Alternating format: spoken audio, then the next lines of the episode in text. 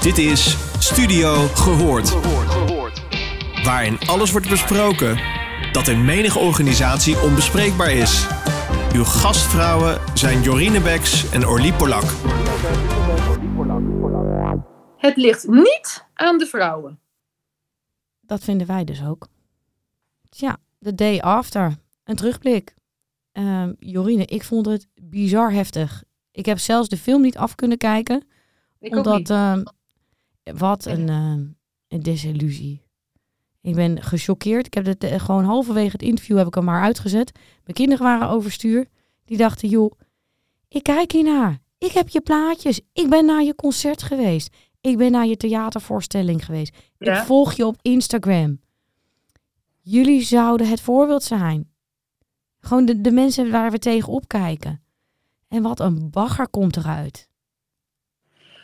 Ja, ik, ik heb het ook niet af kunnen kijken. En, en, nou, wat ik. Ik had een beetje dubbel gevoel. En, en daarmee, dat bedoel ik als dubbel gevoel, hè? Is. Het is vreselijk. Het is afschuwelijk. Het is een doffe, doffe ellende. En eh, wat er gebeurt is ook, weet je, dat, dat recht praten, het verschuilen, het, eh, al die kilo's boter op menig hoofd. Hè? Want uiteindelijk hebben ook heel veel mensen waren hartstikke blij met al die kansen die ze kregen van familie de Mol. Of nou, niet familie, maar uh, John de Mol. Maar ergens eh, voel ik ook in mezelf, en ik weet niet of je die herkent, iets van fuck it. En nu die barricade op. En nu is het een keertje klaar. En dat hashtag MeToo, daar hebben we wat naar gekeken. Daar hebben we naar zitten kijken in het buitenland. Daar hebben we aan gesnuffeld. Maar ergens zat er nog iets onder. Tenminste, zo heb ik dat ervaren. Hè? Van ja, maar hè, misschien in Nederland. Weet je, we hebben nog zo lang. En ook bij, als ik naar mezelf kijk, dat ik dacht, ja, maar ik heb niet direct gezegd wat ik ervan vond. Dus ja, hij kon er niks aan doen. Dat ik nou denk, fuck it. En ik, ik onderstreep het elke keer wel. En ik like het op LinkedIn. En ik tetter de, de wereld in. Het gaat niet om wat die vrouwen of die meisjes met de korte rokken of wat dan ook doen. Het gaat om de jongetjes. Hoe voeden we die op? En het gaat om de kerels. Maar nu voelt hij echt als een opgelijnd vuur. Het ligt niet aan de vrouw. En ook dat, hè, groet de vrouwen uit je bedrijf aan die beste John. Ja, dat gaf me ook ergens iets van... uh, uh, ja, adrenaline, power. Ja, en het zegt ook meteen wat over de sfeer. Het betekent gewoon, ja, sorry dat ik het zeg, maar wat voor fan ben je nou? Als je gewoon alle vrouwen in je bedrijf zo beledigt, dat ze gewoon een, een advertentie in een krant ja. zetten.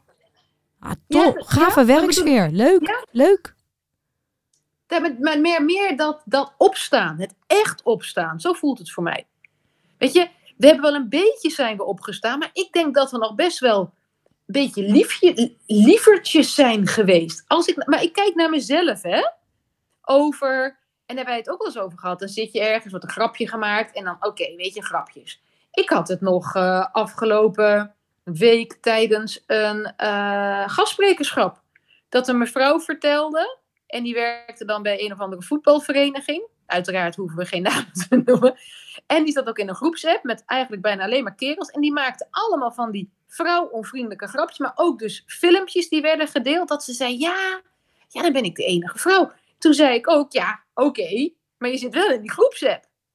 Weet je, dus, dus, dus jij, bent, jij bent net zo, net zo tussen haakjes belangrijk als de rest.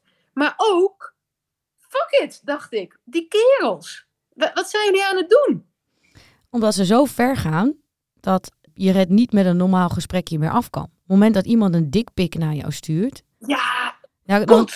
toch? En, en wat ik helemaal heb, die, die waren, die zijn dus bewaard, toch? Weet je, dat is, die hebben ze gewoon de dikpik. Oh nee, wat, hoe noem je dat? Dan noem je een dikpik. Als ik het zeg, denk ik, zeg ik het geks.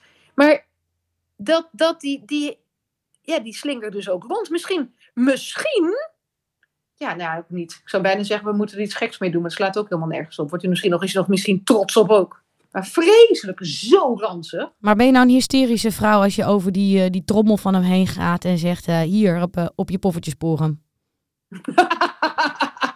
maar dat doet een meisje van 18 toch niet? Ze weten, die oude vieze kerel, sorry dat ik het even zeg Ja. in de podcast, hij is toch Ja. van ons. Die weten toch precies op wie ze moeten prooien? Die gaan toch niet Ja. prooien op een vrouw van 45 die op boksen zit? Nee, die denken, oh, dat meisje wil het maken.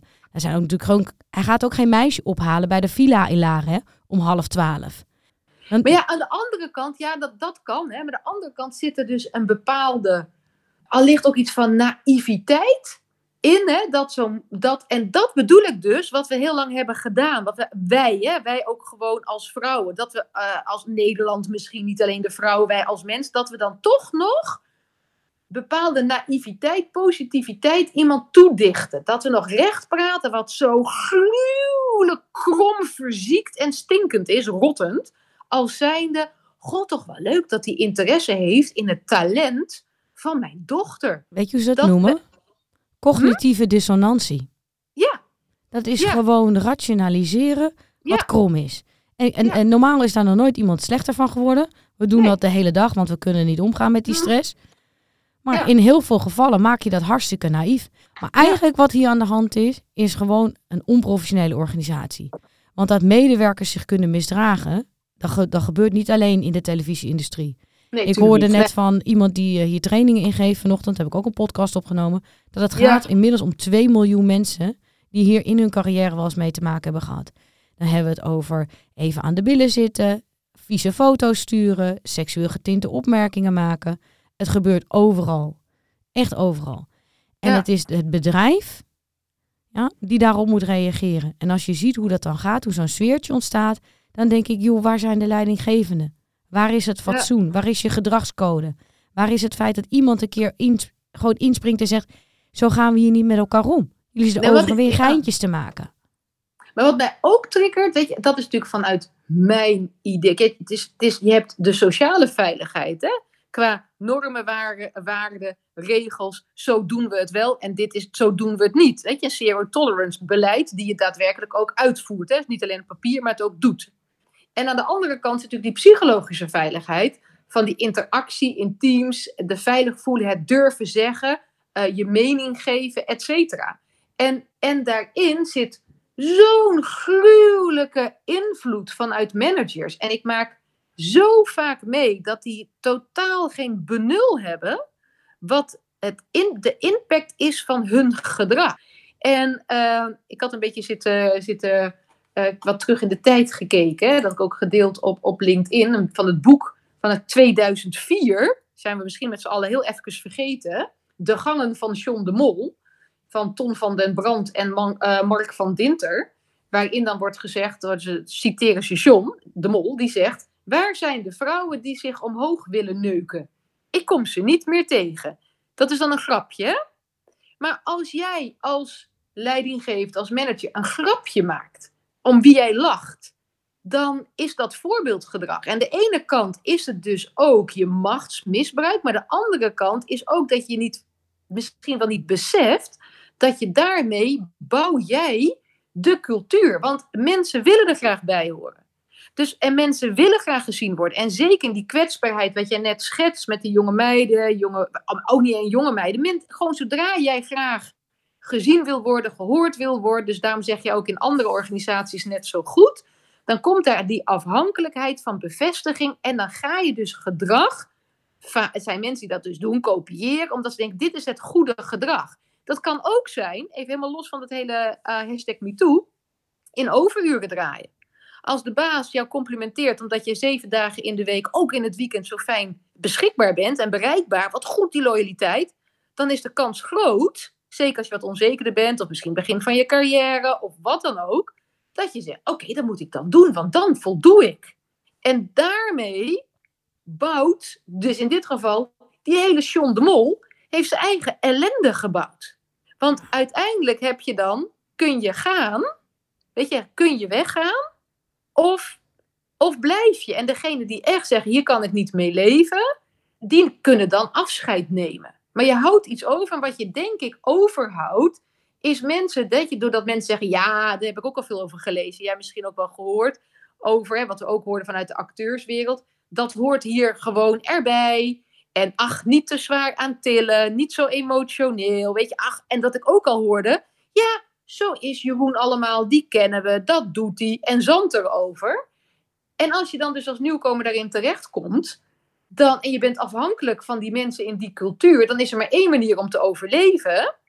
Dat is mond houden, wegkijken en net doen of het er niet is. Als wanneer je wat zegt, het niet, je niet gehoord wordt of nog erger, je buitengesloten.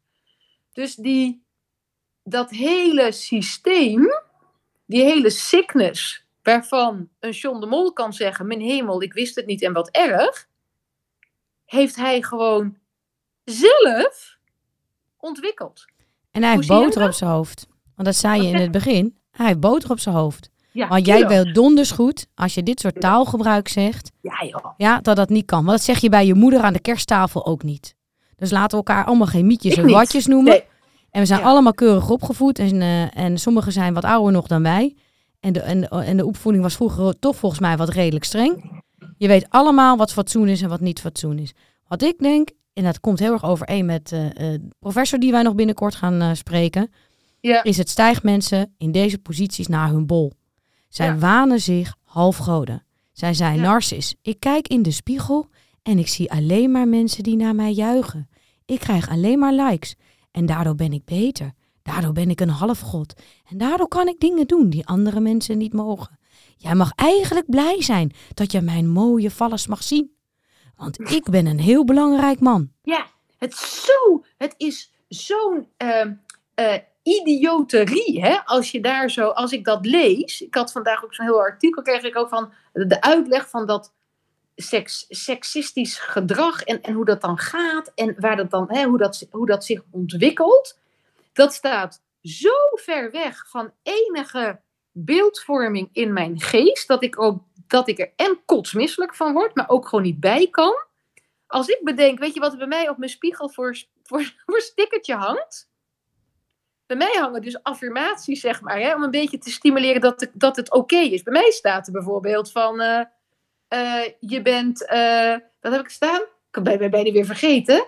Je, bent, je, je kunt alles bereiken. Je bent leuk, lief, knap en gezellig. Dat, dat hangt er op de post-it op mijn spiegel. Om gewoon weer bij mezelf te denken, oh ja, ik kan alles bereiken. Oké, ik kan het.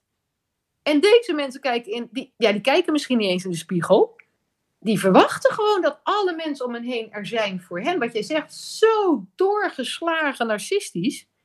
Ja. Het is, uh, ja. En dat vind ik ook de deceptie. Ik vind dat als jij in Nederland, want wij hebben ze als, als burgers, als volk, die, die, die welvaart gegeven. Laten we eerlijk zijn. Wij zijn degene die de kaartjes kopen. Wij zijn degene die de, de shows aanzetten. Wij zijn degene die naar de voorstellingen komen. Dan, dan brengt het volk jou de privilege. En, dat, en dan vind ik ook dat je een bepaalde moraliteit moet hebben in die rol. Men kijkt naar jou. Jij bent ons voorbeeld. Wij vinden je gaaf en daarom kopen we je kaartjes. En als jij dan denkt dat je daardoor een halfgod bent en dat je je zo kan misdragen. Want ik vind ook het feit dat ze niet ingrijpen. Het feit dat ze geen stelling nemen. Je bent gewoon een werkplaats waar je miljoenen maakt. Die mensen dragen bij aan jouw imperium.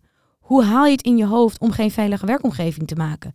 Ja, dat kan je dan wel heel hip op je website zetten. Maar je hebt er gewoon niks aan gedaan. Ja, het is, en, en daarbij, weet je, die hele empathie die weggevallen is, totaal geen inlevingsvermogen, die hele, weet je, alles bij elkaar. Het, het voel, en wat jij zegt ook, weet je, het, het is, je kunt je bijna niet geloven dat Marco Bussato die zingt over dochters, dat liedje, wat, wat altijd leuk, weet je, die voetjes die je dan hoort. Ik heb er een uh, totaal andere emotie bij nu. En, en het doet me ook denken, ik weet nog heel goed, toen bekend werd dat Bill Cosby helemaal niet zo aardig was. Een beetje vreesd. En ik heb echt met zoveel plezier naar de Bill Cosby show gekeken. Dat was voor mij ook echt dat ik dacht, dat kan toch niet waar wezen?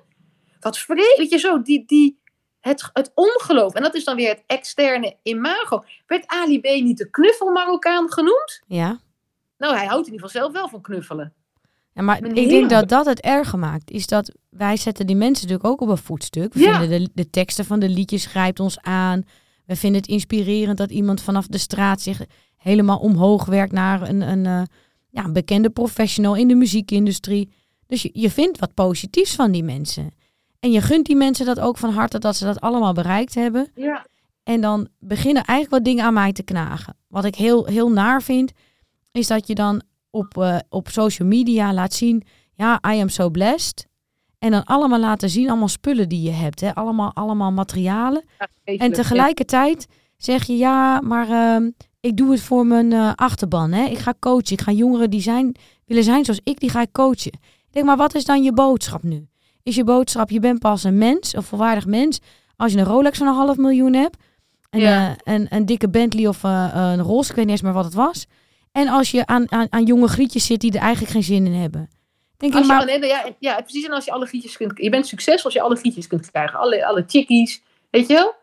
Inderdaad, het hele, het hele beeld. Maar wat je ook weer aangeeft, weet je, het zijn tweeledig. Wij zetten ze op een voetstuk en andersom. Dat heb je dus vol nederigheid te accepteren. En ook dat je die verantwoordelijkheid hebt. Want er zijn, dat is de andere kant. Hè. We focussen nu op al die, weet je, dit schandaal en hoe ze uit de band zijn geknald en nou, weet ik, al die ellende. Er zijn dus ook mensen op de wereld die er wel mee kunnen dealen. Weet je, die wel dit aankunnen. Die wel juist die voorbeeldfunctie oppakken. Tenminste, ik heb over. Uh, weet je, dan, dan nu hebben, horen we al, weet je, al die verhalen van al die mensen. en er zijn ook allemaal mannen die het niet kunnen. Die dus niet om kunnen gaan met het op dat voetstuk staan. Uh, oh, die aandacht. Elke keer maar weer. Oh, al die meiden die allemaal knettergek van je zijn, achter je aanlopen. En dat gewoon niet kunnen weerstaan. Dat je die verleiding, of daarmee de grootheidswaanzin die ze over zich heen krijgen. En die dat niet tegen kunnen. Maar er zijn ook grote, om toch maar naar de mannen te kijken, want anders gooi je alles op één hoop. Hè, die er wel tegen kunnen. Zo denk ik dat uh, Desmond Tutu, volgens mij heeft die niet zo heel veel verkeerd gedaan. Toch? Uh, dat weet ik niet. Maar wat ik wel zie is dat er twee dingen gebeuren in dit soort verhalen. Eén, vind ik eigenlijk de hele organisatie niet professioneel. Je bent een werkplaats. Punt. En je ziet dat ook in interviews op tv. Waarom zit er in het glas van een spreker bij jou gin? Die, die gast aan tafel, die is aan het werk. Ja, die wordt ook dronken tijdens de uitzending, praat met een dubbele tong. En wat is nou de boodschap naar kijkend Nederland? Vreselijk, ja. ja Bizar. Ja, ja, de verantwoordelijkheid. Ja, realiseer je als productiemaatschappij die heel erg veel verdient, laten we daar geen doekjes om winnen. Ik ben een werkplaats. En ik ga mijn werkplaats ook als zodanig behandelen. Dat betekent dus ook geen drank en drugs. Dat betekent ook niet met je tengels aan minderjarige meisjes zitten. Dat betekent geen vieze plaatjes sturen. Dat betekent gewoon dat je je gedraagt op de werkplaats. En dat je daar als organisatie alles aan doet om te zorgen dat je er ook zo professioneel in binnen bent en naar buiten bent. En daarnaast denk ik dat we een groot probleem hebben met mensen die het naar een bol stijgt. Ook al ben jij heel bekend, ook al heb jij heel veel macht, ook al heb jij heel veel geld, het maakt je nog steeds geen beter mens. Nee, het, het blijkt, het, het, het, houdt je een mens. Kijk, en dat is natuurlijk wel hoe, uh, eigenlijk zijn het tegenpolen die je dan elke keer hebt. Hè? Dat je bent groot, in, het muziek, in de muziek bijvoorbeeld. Maar je blijft gewoon klein als mens. En daarmee mee dealen uh, en daarmee leren dealen, dat is, dat is ook is ingewikkeld. Maar dat is ook wel je verantwoordelijkheid. En dat gaat toch als je mens, weet je, voor jezelf. Hoe doe je dat dan? En heb je artiesten die niet tegen kunnen en die plegen ook vreselijk verdrietig zelfmoord. En wat jij terecht zegt, dit gaat zoveel verder dan zelf niet kunnen dealen met, met bekendheid en verantwoordelijkheid. Dit is gewoon, ja, om alleen maar kotsmisselijk natuurlijk van te worden. Ja, en ik vind dat. Ehm, wij zijn natuurlijk met deze industrie bezig en uh, we willen natuurlijk ook wat meegeven aan de luisteraar. Het begint echt met serieus nadenken over wie als bedrijf een organisatie wil zijn. En daar zijn altijd medewerkers, want laten we de bekende mensen gewoon even als medewerkers zien. Altijd medewerkers die over de scheef gaan. Maar het is aan jou als organisatie om hierop voorbereid te zijn en om de mensen die bescherming nodig hebben, die ook gewoon te bieden.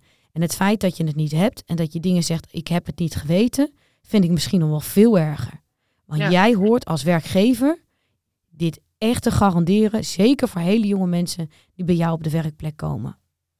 Ja, voor, voor, voor iedereen inderdaad wat je zegt, jong, oud, iedereen. En, en dat betekent dus weer, als je gaat kijken, weet je, want we kunnen nog tijden vertellen hoe vreselijk, vreselijk we het vinden. En ik vind het wel mooi dat je zegt, ja, wat, wat heb je dan te doen? Is wat mij betreft natuurlijk de fysieke veiligheid. Dat vinden de meeste mensen wel logisch, tenminste hopelijk, dat je handen er niet afgaan of zo. Dan die sociale veiligheid van, dit is het normaal. En daar dus ook op handelen, naar handelen ook, op acteren. Niet alleen zeggen, maar ook naar handelen. En dan dus die psychologische veiligheid, dat je dus een sfeer creëert met elkaar. En dat, dat creëer je niet tussen de soep en de aardappelen. Dat organiseer je ook niet met één keer een dagje op de hei of met het opstellen van een protocol. Dat betekent gewoon iedere dag heel erg vol aandacht bewust bezig zijn. Is het oké? En ten tweede, dus is het oké? Aandacht daarvoor. Ook bewust zijn van de diversiteit. Als je gaat kijken naar inclusie, dat ieder mens is anders, ieder team is anders, jij bent anders, die ander is anders. En dat serieus nemen. En dus ook actief.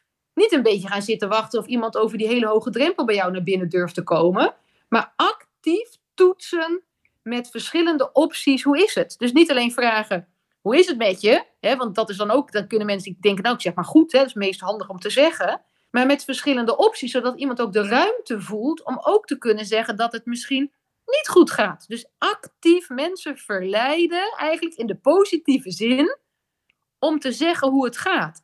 En dat doe je niet van achter je bureau, dat doe je niet terwijl je aan het kijken bent in de spiegel. Dat moet je dus gewoon zelf ja, actief doen met elkaar. Dus vanuit het management, het voorbeeldrol, voorbeeldfunctie ook, aan plein publiek ook gedrag afkeuren. En als je zelf op een gegeven moment iets doet waarvan je denkt, oei, dat was net niet handig. En dan bedoel ik niet het voorbeeld zoals hier, hè, want dit is natuurlijk verre van net niet handig. Ook je kwetsbaar durven tonen. Volgens mij was het ook laat verteld iemand mij, dat was volgens mij dat Van Nistelrooy dat zei. Dat een van die traincoachers die altijd alles wist op dat niveau, een keer op een gegeven moment zei, joh, ja, ik weet het even niet. En hoe zwaar die onder de indruk was. En dat helpt ook al. Gewoon aan, nu weet ik het even niet. En dat dat, dat dus kan. En dat, daarmee creëer je openheid, daarmee creëer je veiligheid. Dus het, het hele verhaal is, dit is verschrikkelijk en afschuwelijk. En ergens wat ik zei, voel ik iets van een bepaalde adrenaline, maar ook een soort hyperte. In die zin dat ik denk, oh, gaat het nu eindelijk gebeuren dat we met elkaar weten, dit nooit meer. En we kunnen er met elkaar, ieder, jij, ik, iedereen, een positieve bijdrage eraan leveren dat het nooit meer gebeurt. Een mooie afsluiter. Ik wens jou een goed weekend. Jij ook. En nog wat bezinning allicht.